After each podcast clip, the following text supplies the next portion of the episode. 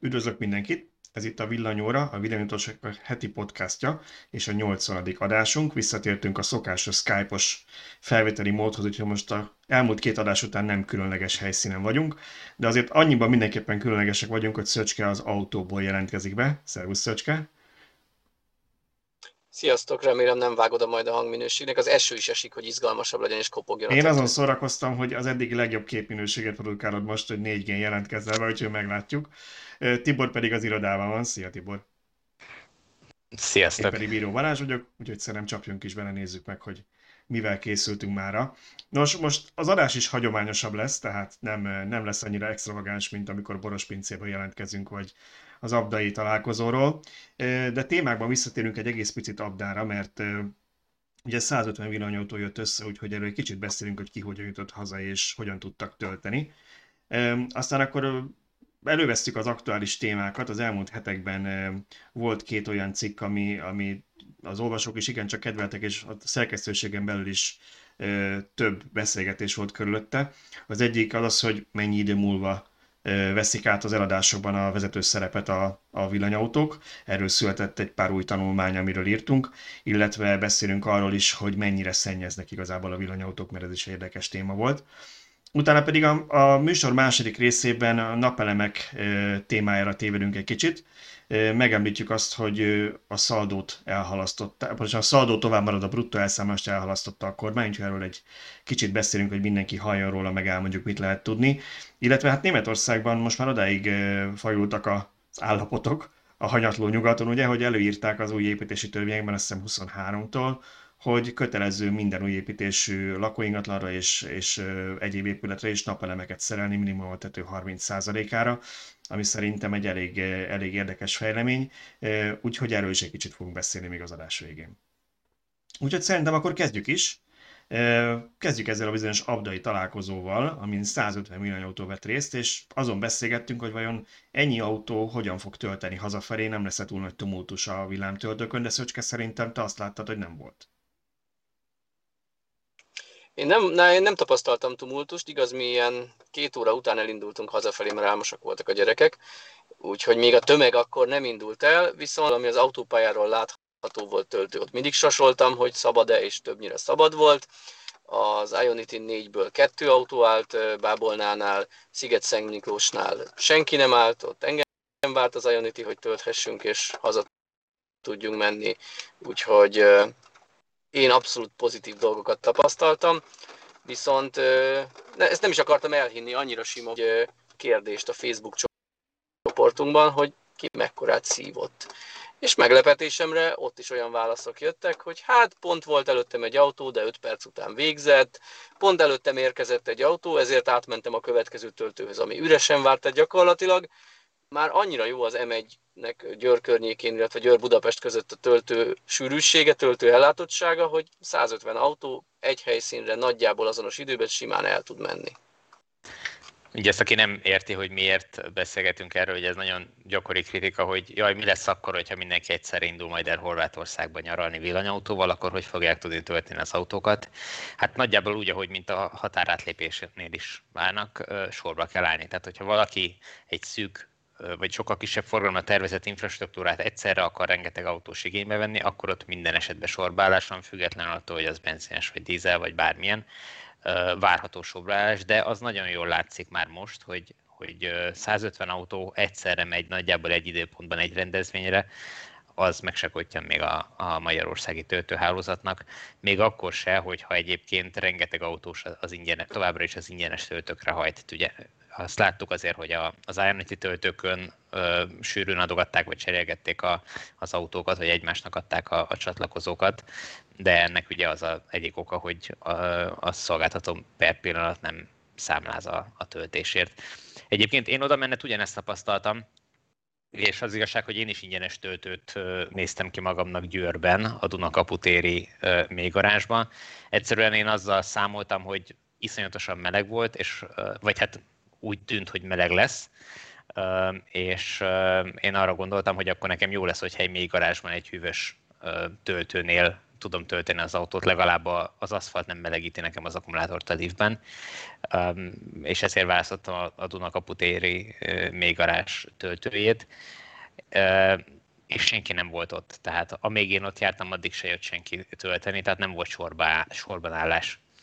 Visszafele én is egy picit hamarabb indultam el, és egy MOL töltöttem, ott se állt senki, és nem is jött az alatt a, azt hiszem, hogy 11 néhány percet töltöttem ott, nem, nem jött senki. Igen, szerintem arról Szöcske írt pár héttel ezelőtt, hogy mennyit javult Kelet-Magyarországon a, a töltők helyzet az M3-as mentén, ami mindig egy problémás szakasz volt, mert hogyha az ember el akar menni mondjuk Nyíregyházára, az állatkertbe vagy Debrecenbe, akkor az gyakorlatilag már közel van az országhatár az olyan szempontból, hogy valahol mindenképpen töltenie kell, főleg egy kisebb akus autóval. Ugye Nyugat-Magyarország ilyen szempontból mindig kicsit szerencsésebb volt, tehát szerintem azért ebben az is benne van, hogy azért azon a szakaszon van Supercharger, ott a Teslások tudtak tölteni, van Ionity, ott mások tudtak tölteni, van csomó egyéb töltő, úgyhogy így eloszlott a terhelés. De biztos ebben az is benne van, azon több töltő van, hogy az autóknak is nagyobb az akkumulátorát, Szöcske és most már egy 64-es Níróval ment, tehát valószínűleg, hogyha még a bármennyire is jól fogyasztó Ionikkal van, azért, azért ott kénytelen lett volna többször tölteni hazafelé, nem? Így van, viszont volt egy villanyautós társunk, Szabolcsi Károly, aki Nyíregyházáról jött, majdnem 900 kilométert autózott oda-vissza Abdára, és ő így beszámolt részletesen, és neki se jelentett problémát. Ő töltőn tervezett megállni, direkt szándékosan, mert ugye az Ionicnak kicsi az akuja, de gyorsan tölt, és ez úgy, úgy praktikus. Úgy tudunk gyorsan közlekedni vele, hogyha ha több rövidet töltünk, mint ha kevés hosszút, és ezért ő több helyen megállt, és neki sem jelentett problémát. Egyetlen egy helyen írta ő is azt, hogy, hogy pont ott töltött egy másik autó, kérdezte mennyit marad, még egy 10 percet, jó, dönthetett volna, hogy vár 10 perccel tovább, ő úgy döntött, hogy még van 60 százalék, hogy nem tudom pontosan mennyi a kocsiban, akkor azzal tovább tud menni egy következő töltőig, úgyhogy tök jól el lehet most már közlekedni. Egy érdekesség, amit ugye említettél, hogy ott van Győrnél a Supercharger, na ez az az egyetlen töltő, amiről azt posztolták, hogy, hogy elesett, rengeteg autó áll is. Viszont ennek nem az abdai találkozó volt az oka, hanem a, a foci EB, mert ha jól tudom, holland tekkal volt teli, akik a meccsre érkeztek. Szóval összeszerveztük a két programot, és valószínűleg ez már kicsit sok volt ott a Superchargernek is. Igen, eh, biztos, hogy, hogy egyébként igazad van abban, hogy, eh, hogy, egy, hogy egy kisebb akus autóval mondjuk többször meg kell állni, és ezt ügyesen meg kell tervezni. Erről beszéltünk szerintem az abda, abdai találkozón is, hogy mondjuk te ezt élvezed, míg mondjuk, hogyha egy elnézést a kifejezésed, egy mezei userről beszélünk, egy átlagos fogyasztóról, lehet, hogy ezt inkább nyűgnek tekinti. Úgyhogy szerintem, bár nem kapunk szponzorációs pénzt tőlük, azért mondjuk el, hogy például az ABRP nevű applikáció az erre remek szolgáltatás, mert ő megtervezi nekünk, hogy hol és mennyi ideig kell tölteni, a leggyorsabban eljussunk. Tehát nem csak azt mondja meg, hogy hol vannak töltők, hanem segít abban is, hogy a te autódhoz, mert kiválasztod a típust, az az optimális, ha mondjuk az első töltőn is csak 50-ig töltesz, és inkább megállsz még egyszer, mert úgy gyorsabb lesz, és akkor nem kell fejben matekozni, hanem egész jó közelítéssel megmondja. Igen, és azt ne felejtsük el, hogy a villanyautóknál az egy óriási előny, hogyha egy hosszabb útra indul az ember, akkor az, e, az útnak az első szakaszát mindig teletöltött akkumulátorral otthonról tudja kezdeni, tehát hogy az első x száz kilométeren biztos, hogy nem kell tölteni, és nyilván ez a, távolság, ez, ez autónként változik, meg megválasztott sebességenként változik, de befolyásolja még az, hogy hol kell megállni, hogy az utasok milyen nyugosak az autóban, kell-e kávézni, megállni, kell-e mosdóba menni, megállni, kell-e enni, megállni, tehát hogy a, a nap melyik szakára esik ez az egész program, tehát lehet, hogy éppen ebéd előtt indulunk el, és mondjuk egy óra múlva már ebédelni szeretnénk, tehát hogy rengeteg, rengeteg dologtól függ, tehát nem mindenki ugyanott fog megállni, nem mindenkinek ugyanott lesz szüksége töltésre, és az a megközelítés, amit azt hiszem Szöcske az abdai találkozón ezt pártolta, hogy sok helyen legyen egy-egy töltő legalább, hogy én választhassam meg, hogy hol töltök, ne pedig a töltőhöz kelljen igazítanom a, a megállásomat. Ez segít ebben a felállásba, hogy nyilván könnyebb hozzáigazítani rengeteg utasnak, a, vagy rengeteg utazónak a, az igényeihez a töltési pontokat. Hát illetve ami még segít, ugye most mondtad Tibor, hogy visszafelé is töltöttél, de ugye mi reggel beszéltünk, miközben mindketten haladtunk abda felé, és te mondtad, hogy te ugye még a találkozó előtt töltöttél azért egy kicsit. Tehát lehet egy kicsit az ember úgy, úgy is gondolkodhat, mint mondjuk egy koncertnél, vagy egy nagyobb rendezvénynél, tudom, hogy egyszerre megy mindenki egy helyre, hogy te azt mondtad, hogy valószínűleg visszafelé nagyobb tumultus lesz a töltőknél, te inkább már odafelé reggel kicsit korábban indultál, nem, nincs akkor rohanás, egy kicsit töltöttél előre, hogy visszafelé mondjuk ne pont ott a győri szakaszon, hanem valahol máshol kelljen csak megállnod, ha egyáltalán kell.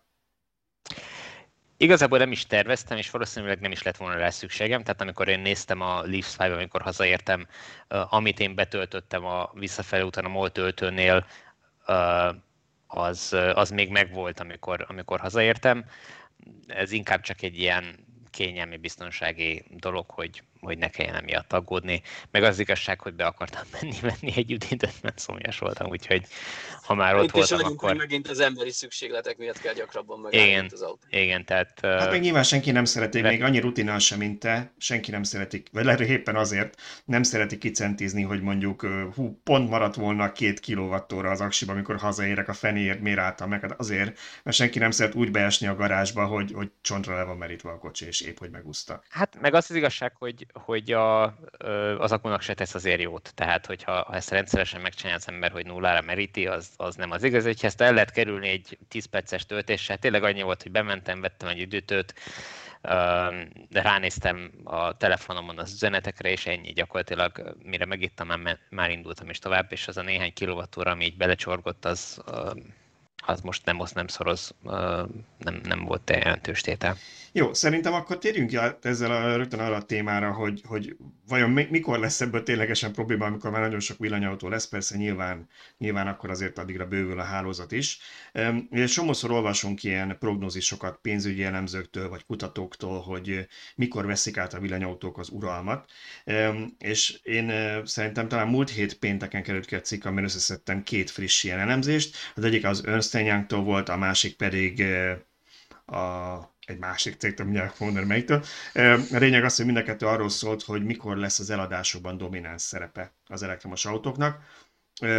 És, és gyakorlatilag a, a, a, döbbenet számomra az volt, hogy, hogy én azt gondoltam, hogy mi vagyunk mindig túl optimisták, és hát majd a végén az lesz, hogy nem, nem nekünk volt igazunk, mert mi elfogultak vagyunk. Ehhez képest azt látom, hogy ahogy jönnek ki az egyre frissebb-frissebb számok, mindig a mi kimondatlan céldátumainkhoz közelít a kutatók és elemzőknek az álláspontja, és most például azt mondta az egyik ilyen elemzés, hogy Európában már 2028-ban, eh, ami ugye 7 év múlva van, többségben lesznek az eladásokban a, az elektromos autók, tehát a tisztán elektromos autók ráadásul, tehát nem is az, hogy a, hogy a plug-in hibridekre gondolt volna, és Kínában azt hiszem 2033-ban, Amerika egy kicsit késhet, de Európában már látszik nem kell sokat várni ahhoz, hogy, hogy a minden, elad, a minden eladott autónak a többsége az elektromos legyen.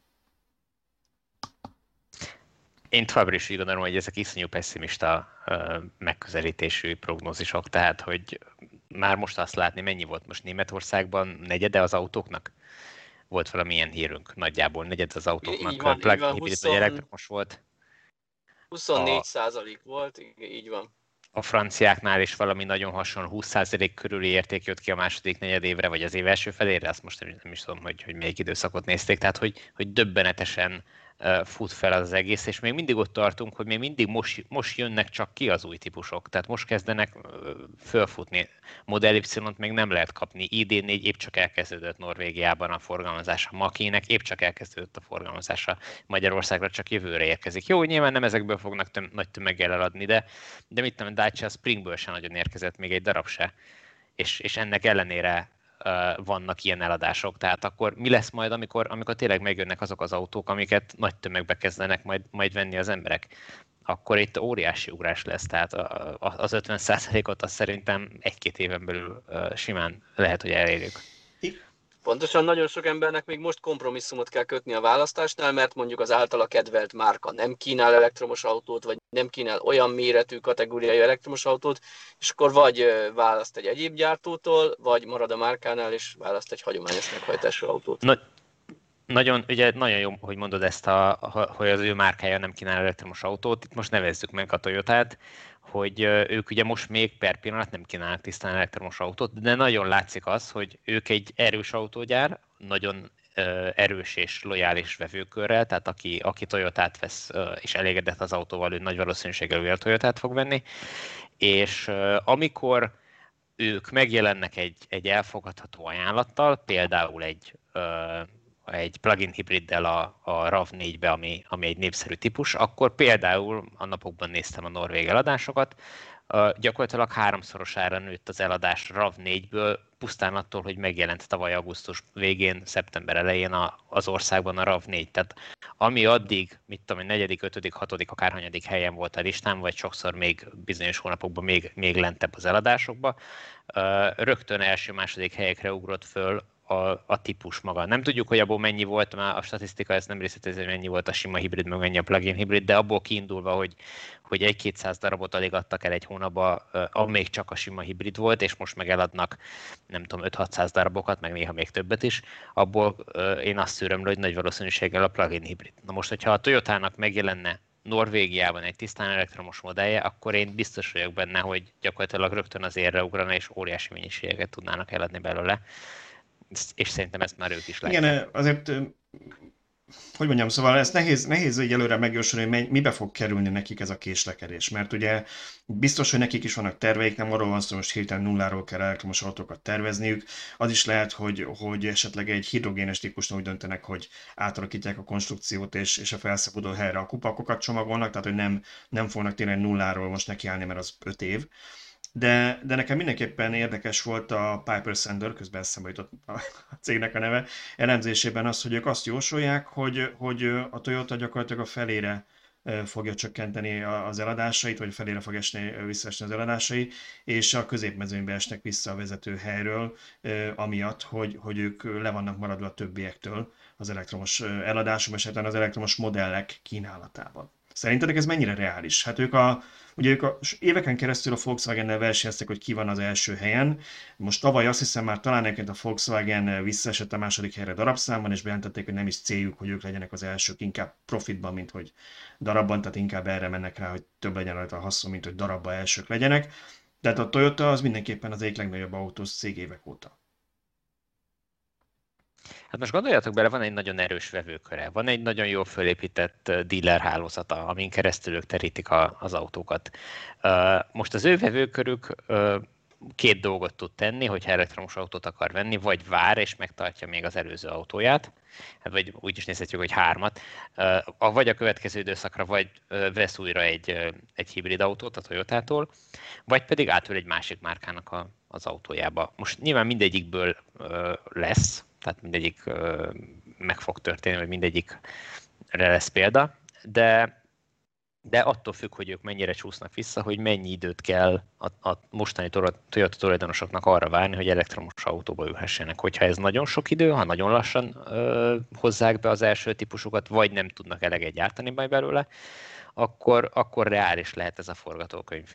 Az látszik, hogy ha most az elkövetkezendő egy-két évben ők egy, egy versenyképes modellt a piacra dobnak, akkor, akkor nincs veszve semmi szerintem, tehát akkor simán megtarthatják a vezető pozíciójukat. Az lesz Viszont... izgalmas, hogy tudnak-e szerezni vevőket, mert én azért Priuszoztam elég sokat, ezért benne voltam ilyen Toyotás Facebook csoportokba, stb., ahol rengeteg jó fejembert megismertem, és nagyon nagy részüket azóta viszont látom elektromos autós Igen, én pont azt akartam mondani, hogy és senki ne értse félre, nem akarom a Toyota fanok haragját kihívni, csak vannak olyan márkák, ahol úgy, úgy érezzük, vagy én úgy érzem, hogy vannak ilyen emocionálisabb, így érzelmi kötődésű rajongói csoportok, tehát például aki BMW-t szeret, most nem, nem is beszélek az egzotikus sportautókról, mert megvan a saját rajongói köre, nyilván ennek a 98%-a soha nem tudna magának megengedni, hogy megvegye, de mondjuk egy BMW ez egy reálisabb cél, és aki BMW-t szeret, vagy Audi-t szeret, ő, ő nem vált márkát. A Toyota-nál nekem mindig az az érzésem, hogy ők, és lehet, hogy csak azért, mert nekem elnézést, a, a minősítésed nekem unalmasnak tűnnek mindig a, a dizájnjaim. Persze kis csillag, mert néha meg annyira extravagáns, hogy az már nekem is sok, tehát őt meg a másik irány, de hogy az kicsit nekem ilyen szürke, Neked semmi nekem nem semmi jó. nem jó. Neked tehát nekem, én azt mondanám, és úgy, hogy a családban vettünk Toyotát, és én voltam, aki a Toyota mellett kardoskodott annó, tehát hogy én ezt nem azt mondom, hogy ez nem egy reális választás, én pont azért mondtam, mert ez egy nagyon megbízható autó, és annak az előnye, hogy, hogy ugye azt mondják, hogy, hogy eleve a japán márkákról jókat mondanak megbízhatóságba, de hogy ehhez képest törött hátsó futóművel érkezett az autógyárból. Mindegy, de azt Európában gyártották. De a lényeg az, hogy alapvetően, alapvetően azt mondják, hogy ez egy jó, megbízható márka, és valószínűleg ezért veszik sokan, meg hogy olyan konzervatív a dizájn, és csomó embernek ez jön be. csak nem vagyok benne biztos, hogy ők mondjuk annyira emocionálisan kötődnek a Toyota márkához, mint mondjuk egy BMW és a BMW-hez. Rosszul gondolom? A megbízhatóság imidzséhez kötődnek sokan szerintem, nem? Tehát, hogy ez egy megbízható autó, nem, nincs fele gond, nem kell költeni rá, és... Csak, csak nehogy ők kiválasztanak egy egyéb típust, és azt tapasztalják, hogy jé, ezzel sincs gond. Hát igen, kérdés, hogy például erre az imidzsre mennyire hajtanak rá más gyártók, mennyire próbálják igen. ezt az imidzset ellopni tőlük. Mert ugye ugyanez volt a Volvo-val, hogy a biztonság mintaképe volt, vagy mintapéldája volt a, a Volvo, és ezért vettek sokan volvo de ma már ez szerintem a legtöbb, legtöbb magára valamit is adó autógyártó ezt elmondhatja magáról. Tehát most már nincs ez a, nem annyira fontos ez az image, talán. De a fene tudja. Jó, szóval, hogy akkor azt látjuk, vagy hát azt látják az elemzők, hogy egyre jobban gyorsul az átállás. Ugye az Ernst pont ebben a cikkben írtam, ők azt mondják, hogy most ők 5 évvel hozták előbbre a, a, a vízválasztót, tehát hogy 5 év, öt évvel hamarabb történik meg a váltás, hogy több elektromos adnak el, mint, mint benzines vagy dízelt a saját korábbi modelljékhez képest, és ők valami mesterséges intelligenciát alkalmaznak, ami persze jól hangzik, de biztos van valami számítógépes modelljük, ami, amivel ezt betáplálják. Másik kérdés, hogy mennyire szennyeznek ezek az autók, hogy jó lesz ez nekünk hogy provokáljak titeket egy kicsit a következő témával, hogy mennyire szennyeznek ezek az elektromos autók, mert napokban nem brit, hanem német tudósok hoztak nyilvánosságra egy új tanulmányt, ami szerint hát nagyon dupla annyira, mint korábban gondoltuk volna. És egész véletlenül nincs valami érintettségük a hagyományos Figyelj, az, járművek. Az botrány lenne, ha kiderülne, hogy ennek a csoportnak a, a vezetője, mondjuk egy olyan intézetnek a vezetője, hogy mellette, amelyik a belségési motorok fejlesztésért felel, és ő neki mondjuk az elmúlt 30 éves karrierje erről szólt volna. Hát az nyilván, nyilván azt jelenteni, hogy valami érintettsége van, nem? Figyelj, valakinek ki kell mondani az igazságot, ő úgy gondolta, hogy ha más nem mondja ki. Nekem erről egyértelműen az jutott egyébként eszembe, és ezt talán, talán valamelyik kommentre válaszul meg is írtam a cikknél, hogy Biztos emlékeztek még rá, amikor voltak ezek a nagy dohánygyár perek Amerikában, egy kongresszusi meghallgatás, és ilyen nagy milliárdokat kellett fizetniük, és ott is az derült ki, hogy éveken keresztül az volt a hivatalos stratégiája a dohánygyáraknak, vagy hát egy házon belül nyilván, hogy ők tudták, hogy nem fogják tudni a világ összes orvosát, meg rákkutatóját meggyőzni, nem is kell. Egyszerűen elég annyi, hogyha van pár tanulmány, amit ők finanszíroznak, vagy kutató, aki, aki olyan kérdéseket tesz, hogy hát nem biztos, meg nem lehet egyetemen tudni, Egyrészt a média úgy működik, jobb helyeken, hogy próbál ugye mindkét oldalról megszólaltatni feleket, és akkor ha behoz egy olyan rákkutatót, aki azt mondja, hogy a cigi miatt rákosak az emberek, akkor meg, meg kell szólaltatnia valakit, aki ezzel nem ért egyet. Tehát erre rá lehet játszani. És ez akkor is így lesz, ha mondjuk az egyik mögött áll ezer tudós, a másik mögött meg kettő.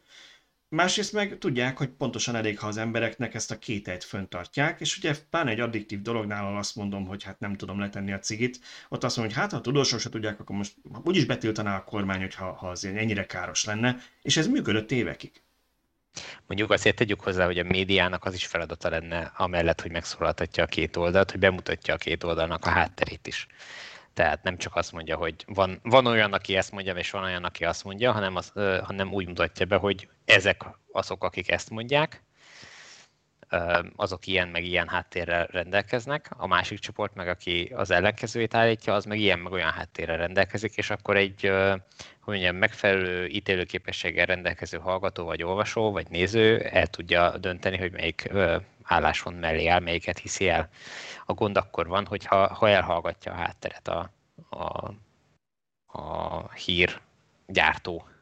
Beszéljünk egy, kicsit a, beszéljünk egy kicsit ennek a tanulmánynak a tartalmi részéről is akkor, mert, mert nyilván nekünk van némi kifogásunk maga a szervezetre, nincs ez egy új szervezet, most alap, alapult elvileg 170 kutató van mögötte, de hát ugye ez így senki nincs egy lista, nem lehet tudni, kicsodák, aláírta pár ember ezt a levelet, amit küldtek az EU-nak, hogy, hogy szerintük ö, probléma van, de mi is a probléma, amit ők felvetettek? Ők azt mondják, hogy ők találtak egy matematikai számítási hibát az EU-nak a CO2 számolásában, és ők azt hozták ki, hogy igazából dupla annyi a CO2 kibocsátása a villanyautóknak, mint eddig gondoltuk, mert, és itt jön a fő tétel, hogy igazából a villanyautók miatt új fosszilis erőműveket kell csatasorba állítani, ezért az ő kibocsátásukat nem az átlagos energiamixel kell számolni, hanem ezeknek a fossz, kizárólag ezeknek a fosszilis erőműveknek a CO2 kibocsátásával kell számolni.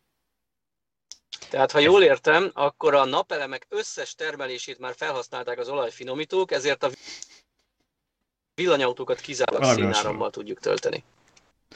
Tibor?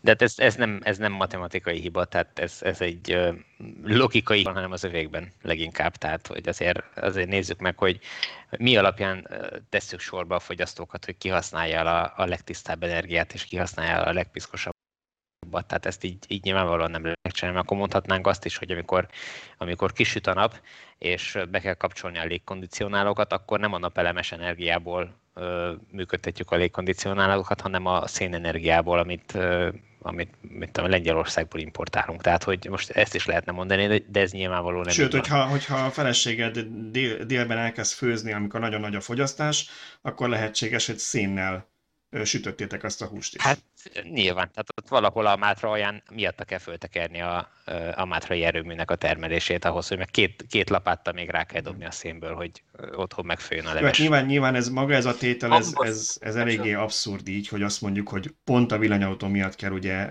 bekapcsolni a fossziliseket. Szerintem ezt nyugodtan szétszedhetjük egy picit, Szöcske, szerintem akartál valamit erre mondani. Nem, csak a hamuba sült pogácsa jutott eszembe, amilyen mesebéli fordult. És hamuba sült villanyautó? Meseszerűnek tűnik ez az egész, így van. Így. Ezt kellett címnek adnom. Hogy, hogy nekem volt egyszer régebben egy ilyen élve darált villanyautó című cikkem erről, hogy nem kell bizonyíték elég megvádolni, azt elég sok ember már meghallja.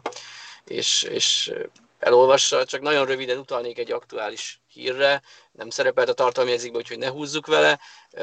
Kigyulladt Balatonfüreden mély garázsban két autó, nem lehet tudni, hogy melyik okozta a tüzet.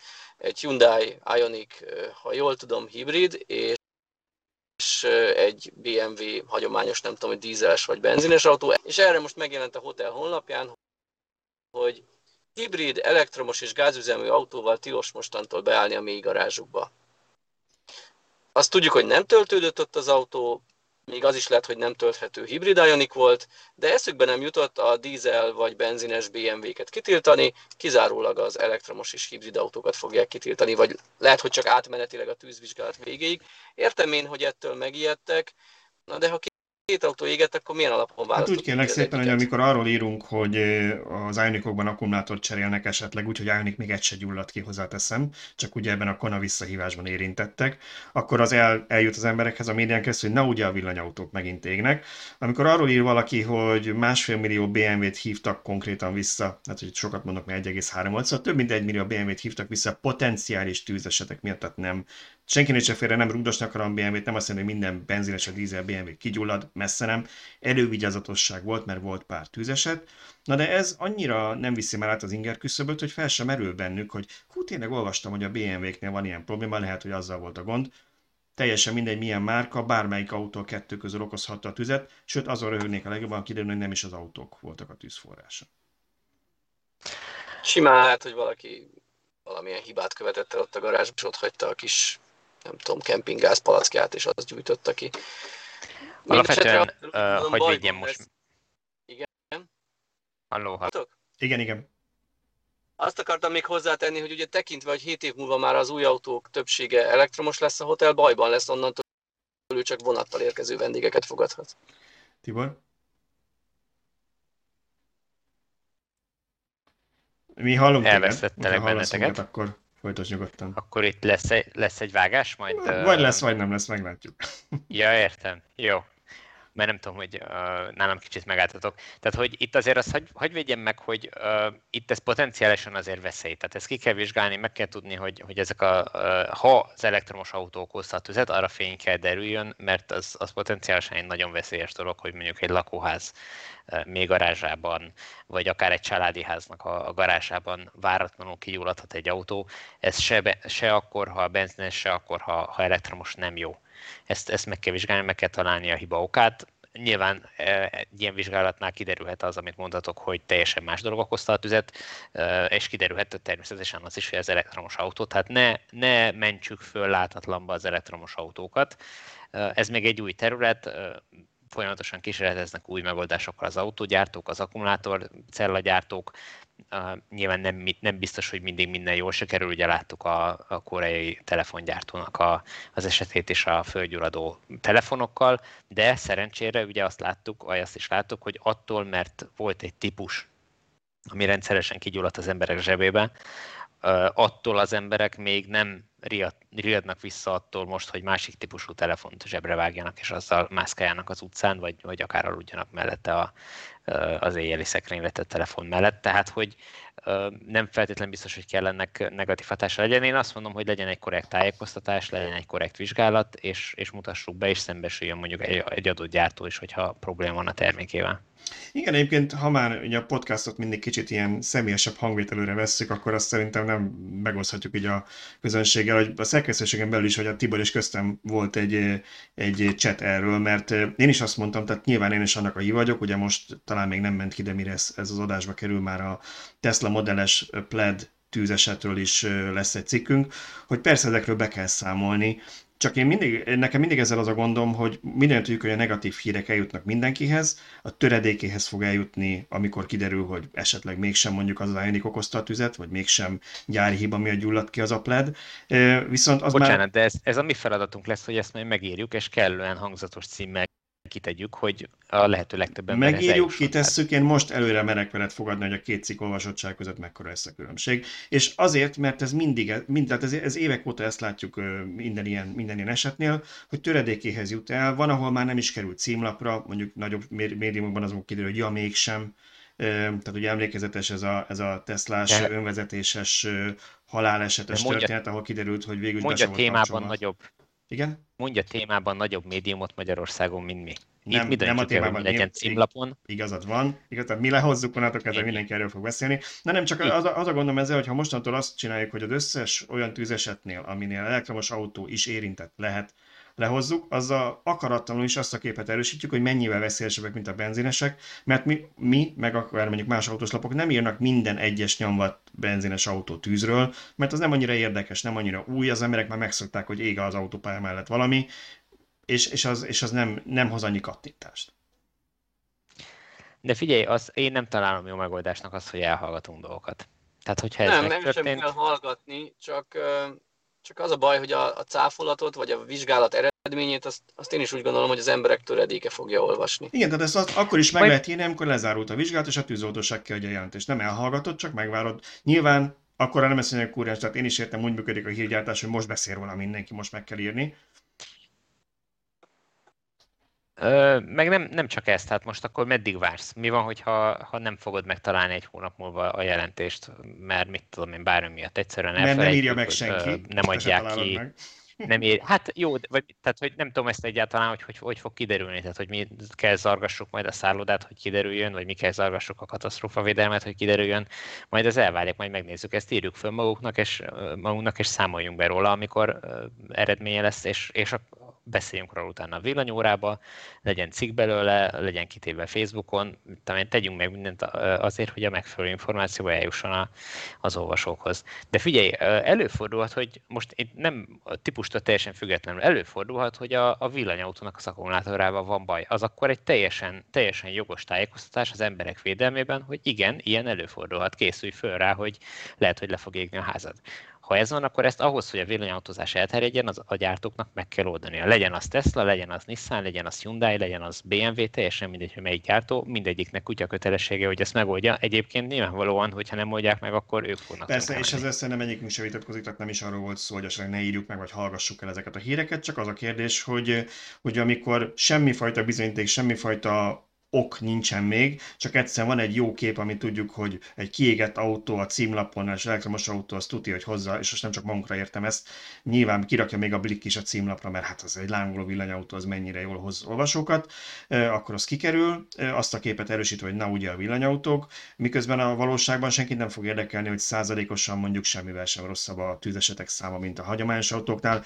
Én ezt egyszer valahol megírtam az egyik ilyen eset kapcsán, hogy tehát amíg a közlekedésben energiát kell felhasználnunk, és az energiát tárolni kell, addig mindig lesznek tűzesetek, akár egy balesetnél, akár bármi más miatt, mert, mert egyszerűen ez nulla százalékra lecsökkenthetetlen ez a, ez a szám. Egy, egy dolgot viszont azért érdemes megemlíteni a Balaton-Füredi tűz kapcsán. Ott nagyon jól látszott a képeken, hogy melyik autóból mekkora energia szabadult föl az égés során. A, a hagyományos üzemanyaggal működő autóban akkora energia volt tárolva, hogy az a x liternyi folyadék az annyi energiát tárolt, hogy az autó fölötti vasbeton szerkezet teljesen megrongálódott, és ki, tehát a beton elégett, a, a betonacél rudak kiálltak a falból, vagy a plafonból, tehát hogy sokkal nagyobb kárt okozott az a tűz, mint a mellette lévő, szintén hasonló módon kiégett autó. Nem tudjuk, hogy melyik okozta a tüzet, és ez most ebből a szempontból teljesen mindegy is, de látszik, hogy amelyikben kevesebb energiát tároltak, az sokkal kisebb kárt okozott ebben a, a, a, a térben. Jó, szóval kicsit messzire jutottunk ide, mert arról beszéltük, hogy mennyire szennyeznek az elektromos autók, de szerintem nagyjából az adásidő felénél járva akkor jön az a rész, amikor orcátlanul marketingeljük saját magunkat, és akkor utána át tudunk térni a, a másik két témára, amit az adás végére szántunk. Úgyhogy akkor ezen a ponton mondom el, hogy van nekünk a főcsatornánk a YouTube-on, a Villanyautósok csatorna, eh, ahol teszteket rakunk ki, eh, még ez a villanyóra is esetleg megjelenik darabolva, már ez, ez eh, időjárás függő. E, illetve van az extra csatornánk, ahol ilyen egyéb extra tartalmak vannak, és maga a villanyóra is átköltözött most már ide, úgy éreztük, hogy itt talán jobb helye van. Úgyhogy aki YouTube-on szereti ezt követni, az az extra csatornán kereses szerintem elsősorban.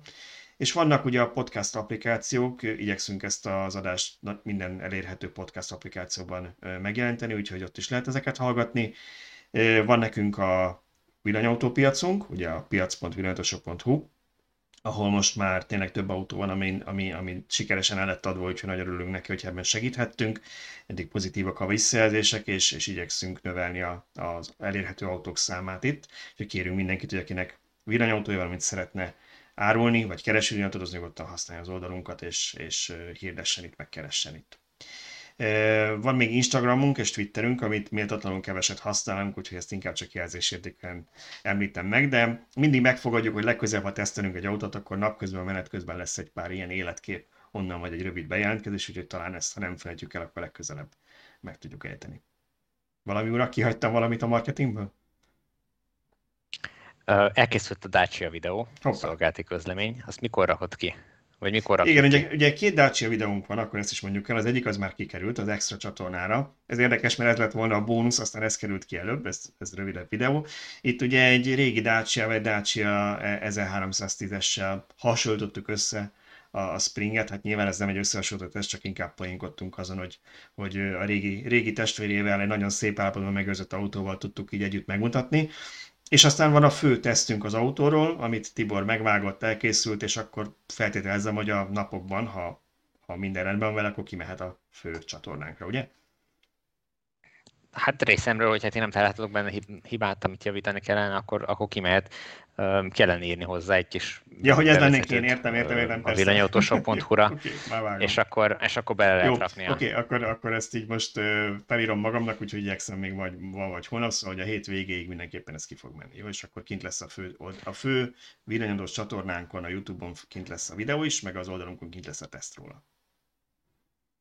Illetve még egy hát, dolog van, amit... Promózni kellett volna azt a hétvégi programunk Tiborral, csak nem tudom, hogy ez megy ki előbb, vagy az. Ha hogy egy érdekes országjárásra indulunk, megnézzük, hogy mennyivel tudunk jobban haladni az országban most, mint öt évvel ezelőtt a Total csapata.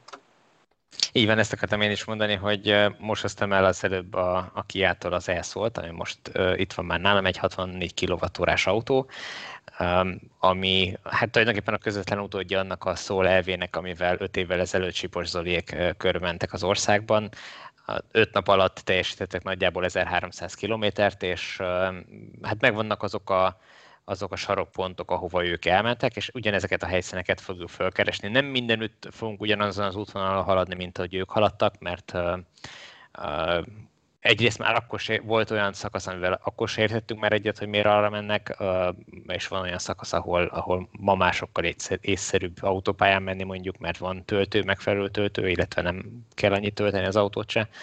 De nagyjából e- e- erre az 1300 kilométerre készülünk, viszont nem öt nap alatt, hanem csak egy hétvégét szánunk a, a dologra, két napunk van a, a teljes útra, szerintem kényelmesen meg fogjuk tudni tenni, úgyhogy 400 kilométernél is többet írt ki hatótávnak, amikor uh, elhoztam most az autót. Igazából ti azt szeretnénk akkor megmutatni, hogy mennyit... töltőre tenni, hogy lejön Bocsánat, mondja, Cöcske? Bocsánat, csak azt akartam, hogy felejtsd el este töltőre tenni, hogy egy kicsit izgalmasabb legyen.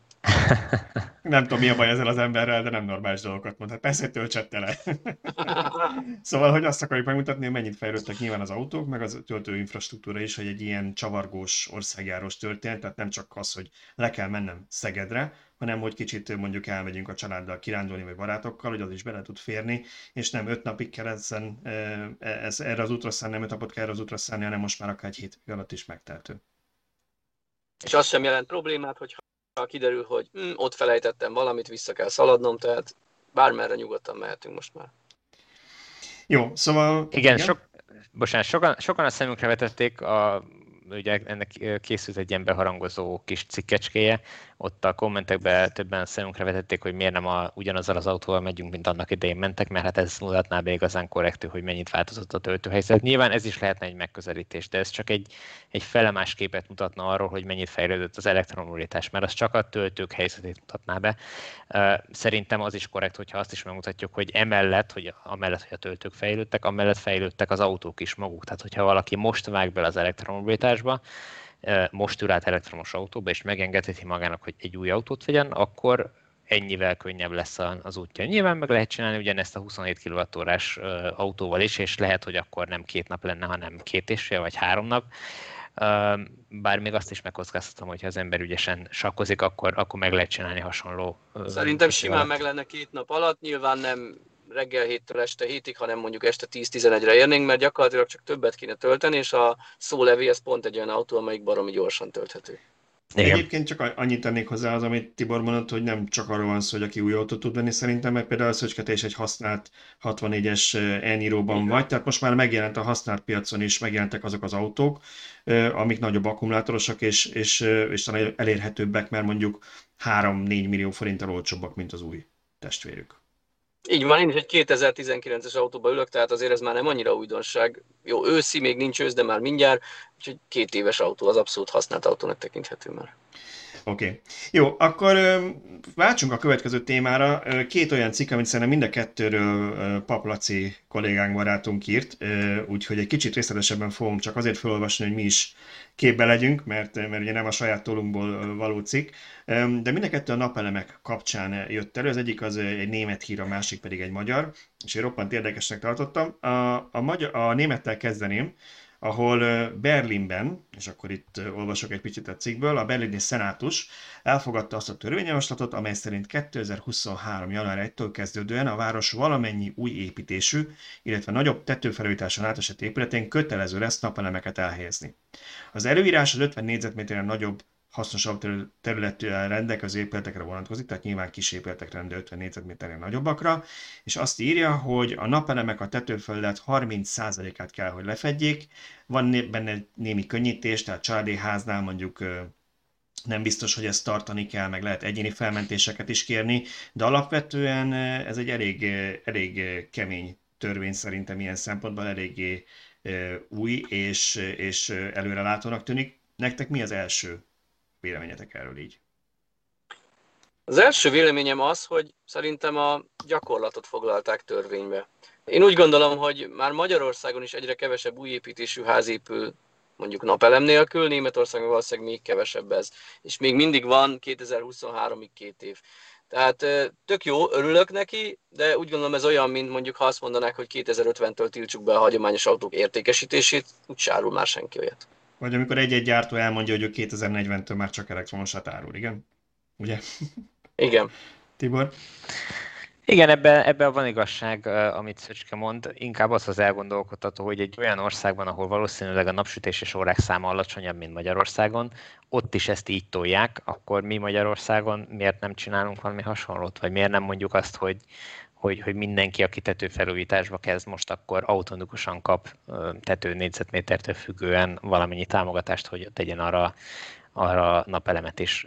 Legyen egy kis támogatás benne, és legyen mellé előírás szigorításba is. Tehát igen, ezt szerintem a taxik, a taxik kapcsán beszéltük, hogy mindannyian mennyire támogatjuk és örülünk neki, amikor az, az elektromos taxikra lévő áttérés is támogatja az aktuális kormányzat, tehát ez egy teljesen jó irány ott egy picit azt éreztük, vagy én azt éreztem, hogy, és tényleg nem a taxisok szeretném kellemet nehezebben hozni, de hogy amikor van egy ilyen nagyon bőkező, mert egy nagyon bőkező támogatás van, akkor igazán mellé lehetne tenni egy pici szigorítást is, mondjuk bizonyos évtől kitűzni, mondjuk 2025-től, vagy 24-től, hogy az újonnan forgalomba kerülő taxik már csak elektromosak lehessenek. Ha már egyszer el lehet hozni 6-7 millió forintért egy nagyakus Niro taxinak, akkor nekem nem mondja senki, hogy valaki annál olcsóbban tudna venni dízeleset, mert hogy arról beszélünk, hogy taxiknál csomó komoly előírás van, hogy persze tudom, külföldre behoznak azért használt autókat, még ez előfordul, de alapvetően taxiknál nem lehet 15 éves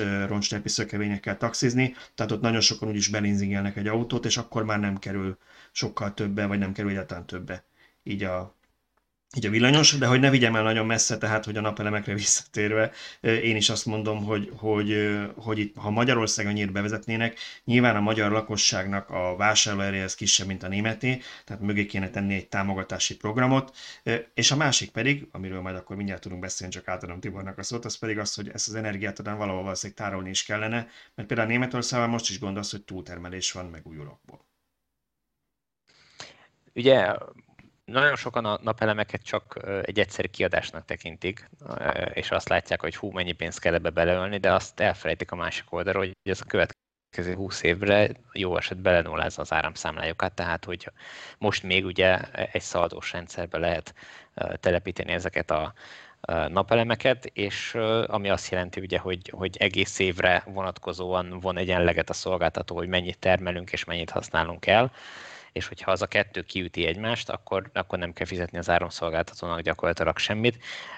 Magyarul otthon meg tudjuk termelni a saját felhasználásunkat, úgyhogy a most telepített napelem az a jövőben való befektetés. Ezt szerintem mindenkinek érdemes megérteni és, és végig gondolni, pláne úgy, hogy uh, most nem tudom, hogy hogy áll per pillanat ez a támogatás, hogy 0%-os hitelre lehet napelemet telepíteni otthon, de hogyha ez még él, akkor ezt, akkor ezt még mindig érdemes kihasználni, mert gyakorlatilag banki finanszírozásból azért a pénzért, amit én a jövőben, a következő 5-8-10 évben az áramszolgáltatónak fizetnék, abból fizethetem a banki hitelt, és gyakorlatilag 10 év múlva, vagy, vagy amilyen hosszú időre felvettem a hitelt, lesz egy ingyen termelő saját erőművem. Igen, ez, ez egyébként, tehát ezt én is tapasztalom, hogy ez az ingyen pénz tipikus esete, ez a nulla THM-es hitel, ezen nem is szabad gondolkodni, ha valaki ö, tud élni ezzel a lehetőséget. Arról volt ugye szó, hogy van szó. Hát Szöcskének van frissebb info, hogy most éle még ez a program, vagy nem, mert ugye indult ez a másik, ez a nem hitel, hanem kifizeti az állam 30-40 százalékát, a többit te fizetett, szóval változtak itt ezek a feltételek, de a lényeg az, hogy amíg, amíg volt, vagy amikor megy ez a nulla THM-es történet, az úgy néz ki, hogy 10 százalékot kell neked befizetni, tehát mondjuk egy ilyen otthoni napelemes rendszernél 150-200 ezer forintot, azért az egy ház építésre vagy tetőfelújításánál sajnos tapasztalom mondom, hogy filléreknek számít, mert a tető magában több millió forint. Tehát be kell fizetni 150-200 ezer forintot, a többit pedig 0 THM-re 20 évre elosztva kapjuk, ami azt jelenti, hogy mintha az áramszámlát fizetném, egy fillért nem fizetek rá, sőt, legtöbb esetben ez olcsóbbra jön ki. Én azt számoltam, hogy szerintem nekem egy 8-10 év alatt már meg is térül. Így van, és ez a program, én tudom most, hogy Közép-Magyarország régióban érhető el. Ez ugye egy néhány évvel indult, először Közép-Magyarország régióban merült ki a keret, majd tavaly novemberben kimerült az ország többi régiójában is a keret, és idén tavasszal, ilyen február-március körül újra indult, de egyelőre csak a Közép-Magyarországi régióban, vagy legalábbis én csak erről tudok. Úgyhogy Budapest és Pest megye, nem tudom pontosan még mi tartozik bele, nem Szerintem tudom a Közép-Magyarországnak hol vannak a határai mindenki nézzen utána, aki az ország közepénél, hogy, hogy jelenleg ő jogosult erre, és akkor ezzel tud élni. Illetve hát ha átvezethetünk a másik témánkra, akkor ugye egy érdekes uh, utolsó utáni pillanatban megváltozott a, az is, hogy a családtámogatással, amivel féláron lehet napelemeket venni, mégis szaldóban maradhatnak az új vásárlók. Ugye lett volna július 1 egy olyan módosítás a kormányrendeletben, illetve hát az egyik pontja az most a szolgáltató a frissen, tehát július 1 után hálózatba kapcsolt napelemeknél már nem biztosíthatja a szaldós elszámolást. Ők nem nevezik meg, a köznyelv bruttó elszámolásnak hívja, a, a kormányrendelet nem nevezi ezt meg, de a lényeg az, hogy néhány órával az életbelépése előtt megjelent a magyar közlönyben egy kormányrendelet, ami gyakorlatilag törölte ezt a, ezt a pontot, úgyhogy nem is tudott életbe lépni. Igen, és ez ugye az új belépőkre vonatkozott volna eleve, ha jól tudom, tehát épp azt beszélgettük így adás előtt. Támogatással belépőkre. Igen, igen, támogatással belépőkre. Ugye azt beszélgettük épp így a felvétel előtt, hogy ugye erre van eleve egy EU-s direktíva, ami ha jól emlékszem 2024-től szüntetné meg a 24 elejétől, igen. 24 elejétől. De ugye akinek a, a rendszere már addig elkészül, az maradhat ebbe, Egyelőre úgy néz ki, hogy a rendszer élettartam alatt, tehát hogyha neki invertert kell cserélni, akkor kiesik ebből, feltételezem, hogyha nagyobb kapacitásút vagy nagyobb teljesítményűt vásárol akkor, mert ha csak ugyanakkor át, akkor gondolom, hogy nem, vagy hát remélném, hogy nem. De alapvetően... Hát ez egy nagyon izgalmas kérdés, mert a szerződés módosításig maradhat benne, tehát ha mondjuk én eladom a házamat, vagy mondjuk öröklik tőlem, vagy valami, az nagy valószínűleg szerződés módosítás, akkor elvész a mhm. szaldós jogosultság, és itt ez egy izgalmas kérdés lesz, hogy az áramszolgáltatók mit fognak szerződés módosításnak tekinteni. Hm. Ez egy érdekes Valószínűleg kérdés. a gyakorlat fogja bemutatni, hogy lesznek ebből kérdések, vagy lesz ebből esetleg vitás eset áramszolgáltatókkal. Na igen, de hogy, tehát, hogy ez a bruttó az eleve, ugye ez, ebben az esetben mindenképpen életbe fog szerintem lépni 24-től, én úgy gondolnám, mert az EU-s direktívát, ha csak nem kér Magyarország halasztást vagy kivételt, akkor ezt be kell vezetni. De ugye ez is csak az új belépőkre fog vonatkozni, akik támogatással lépnek be, és most arról volt szó, hogy Magyarországon ez korábban megtörténik már, aztán ezek szerint mégse. Hát ugye egy kérdés, hogy, hogy, hogy mi miatt akarták ezt előbbre hozni ennél a körnél, tehát a támogatotti körnél. Um, ugye lehetnek ezek az áramszolgáltatók, mondhatjuk azt, vagy feltételezhetjük, hogy ők lobbiztak, hogy hirtelen ezzel az állami támogatással ne öntsenek a hálózatra nagyon sok, nagyon nagy teljesítményű napelemet, és kicsit levegőhöz jussanak a szolgáltatók, legyen idejük fölkészülni erre.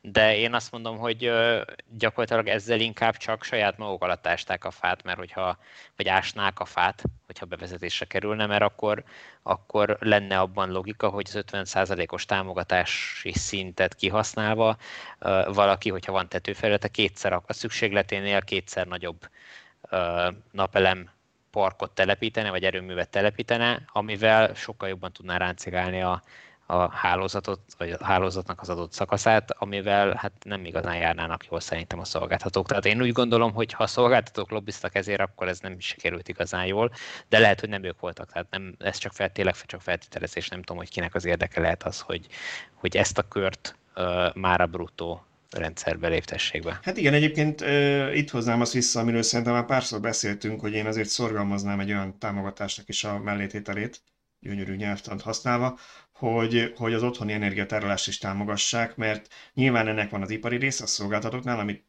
meg kellene oldani, és erről szerintem Szöcske talán te írtál a héten, hogy erre Magyarországon is azért vannak, vannak most már jelek, de azért az otthoni része, tehát ez egy olyan rendszerben működik minden a világon, ahol is is van, tehát nem az hogy csak a szolgáltató vagy csak otthon, Viszont, hogyha az otthoni akkumulátorok is terjednének, akkor valószínűleg nem lenne az, hogy délben mindenki rádobja a hálózatra a felesleget, mert mondjuk a, ha a napelemesek felének van ilyen akkumulátor, vagy negyedének, akkor csökkenne a hálózaton is a terhelés.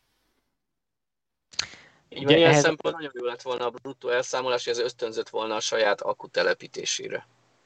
Igen, de az igazság, hogy ehhez, ahhoz, hogy ö, értelme legyen akkumulátort telepíteni a végfelhasználóhoz, ahhoz a hétköznapi fogyasztóknál is, tehát az egyetemes fogyasztásnál is, vagy szolgáltatásnál is meg kellene szüntetni a rezsicsökkentett árakat, tehát piaci alapú árazást kellene bevezetni, hogy a, a szolgáltatók átadhassák azt az árkülönbözetet, ami a, a csúcs és völgy időszak között uh, szerepel. Tehát magyarul uh, csúcsidőszakban én is több uh, pénzt kelljen fizessek az áramért, akár negyed órás bontásra, mint mondjuk völgy időszakban, akkor megérné az, hogy én kereskedjek az árammal, és azt mondom, hogy amit megtermelek mondjuk olyan időszakban nappal, amikor rengeteg termelés van, és szinte semmit nem adnak az áramért, azt én eltárom otthon akkumulátorba, és, és este 6-tól 10-ig pedig ö, segítek az áramszolgáltatónak az akkor keletkező igényeket kielégíteni, mert akkor drága az áram, és mondjuk kétszer annyira el tudom adni, mint amennyiért ö, napközben tudtam volna eladni. Akkor van értelme otthonra, de egyébként nincs. Egyébként én azt mondom, hogy ez egy, legyen az áramszolgáltatónak a feladata, és ő a trafónál, hogy a trafóit mentesítse a feladat alól, oda telepítsen egy, egy akkumulátorszekrényt, ezek már nem olyan óriási költség, valószínűleg sokkal olcsóbb, mint a trafótól a, a, a, az összes vezetéket cserélni a, a, a következő alállomásig, meg az alállomást bővíteni, meg a nem tudom, távvezetékeket kiépíteni vagy bővíteni. Ez kétségtelen, de ugyanakkor a bruttó elszámolás tulajdon tulajdonképpen, ha is közvezvet megadott volna két ilyen árat, egy csúcs és völgyidő időszaki árat, hogyha te nem akartad volna, hogy csak az átvételi árat kapja, amit ugye nem ismerünk, csak a korábbi rendszerből tudunk kiindulni, akkor neked érdeked lett volna a saját termelésed eltenni akuban, és este felhasználni. Nyilván ez egy kicsit ilyen rókafogta csuka, mert, mert nem az van, hogy, hogy te inkább nappal veszel, mikor termelés van, hanem az van, hogy a saját termelésed nem küldöd vissza, és este, amikor csúcs van, akkor nem igényelsz a hálózatból, hisz ott van a saját akudban. Tehát részben megold, majd 2024-től meg is fogja. Jó lenne, hogyha mielőbb megismernénk, hogy milyen árakat képzeltek el itt.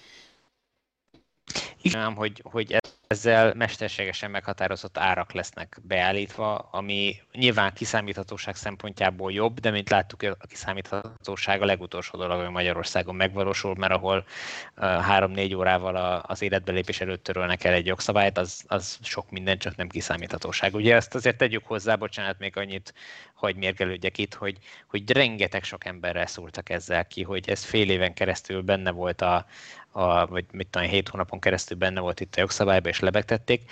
Gyakorlatilag egy csomóan megőrültek a rengeteg munkától, és egy nappal átéve dolgoztak, hogy telepíteni tudják ezeket a dolgokat. Rengeteg cég már nem vállalt el, nem vállalt el új telepítést, mert hogy úgyse tudja akkor befejezni. Sokan emiatt nem rendeltek meg napelemrendszert sokan kényszerültek arra, hogy előre hozzák a, a telepítést. Nyilván ez sok szempontból jó, de más szempontból nekik meg nem biztos, hogy éppen az élethelyzetükben ez így szerencsés.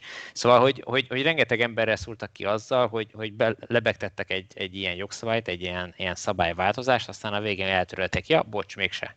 Tehát ez így, ez így nagyon-nagyon nem korrekt.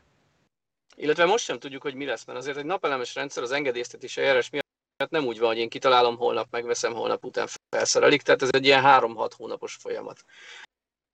Igen. Na most oké, okay, erre tehát nem tudjuk, hogy a jövő héten, a jövő hónapban, vagy három év múlva kerül vissza ugyanez. Most így hogy kezdjek én bele egy fél év alatt lezongorázható napelem telepítésbe? Lehet, hogy mire elkészül addigra, mégis bruttós leszek. Igen. És hát ugye szerintem Igen. azon is eleget mérgelődtünk, hogy magának ennek a bruttós történetnek a pontos feltételezett szabályait is, aztán az annyira nem követtem, hogy a végén most már azért volt-e valami rend, rendes tájékoztatás erről, de sokáig nem Semmi. tudtuk, hogy pontosan milyen feltételek lesznek. Az a helyzet, hogy én ebből megint azt olvastam ki ebből a jogszabályból, hogy itt, itt nincs, nem kell várni arra, hogy legyen egy új hogy mondjam, jogszabály, hanem egyszerűen azok a, azok a szabályok lesznek érvényesek, mint ami most a túltermelésre nagy valószínűséggel érvényes, hogy ha, ha többet termelek, mint amit elhasználok, akkor azt az, azon az adott áron, ami benne van a szerződésben, azon az áron veszik meg. Tehát igazából itt nem kell új szabályozásra várni, mert megvan maga a szabályozás. Itt igazából az a, az a fő kérdés, hogy, hogy ezt mikor vezetik be, és kire, lesz, kire mikortól lesz hatályos. Jó, ö, valami a szaldóról bennetek maradt még esetleg? Nem, viszont a családom integet, hogy indulni kellene, úgyhogy talán ez a heti villanyóra is belefér az Abszolút belefér, éppen akartam utalni, hogy akkor kifogytunk a témákból, most szándékosan kicsit szűkebbre szabtuk, hogy magunknak is legyen egy határ, mert Szöcskének indulnia kell. Csak én ezzel megköszönném a, a részvételt, mondja Tibor, utolsó szójogán. Balás, igen, hogy, igen, hogy meg tudod ezt vágni, ezt az anyagot, hogy ma kimehessen pénteken, és akkor még tudjuk promozni a, a holnapi országjárásos túrát, hát ha van, aki nem olvasta, és most ezen a, a csatornán keresztül hallgatja, és jut az információhoz, akkor tud bennünket Ez, ez még akkor ma este kimegy. Uh-huh. Oké, okay, szuper. Hát akkor köszönjük mindenkinek a figyelmet, köszönöm az uraknak a részvételt, és akkor találkozunk egy hét múlva ugyanitt a villanyórában. Sziasztok! Sziasztok! Sziasztok!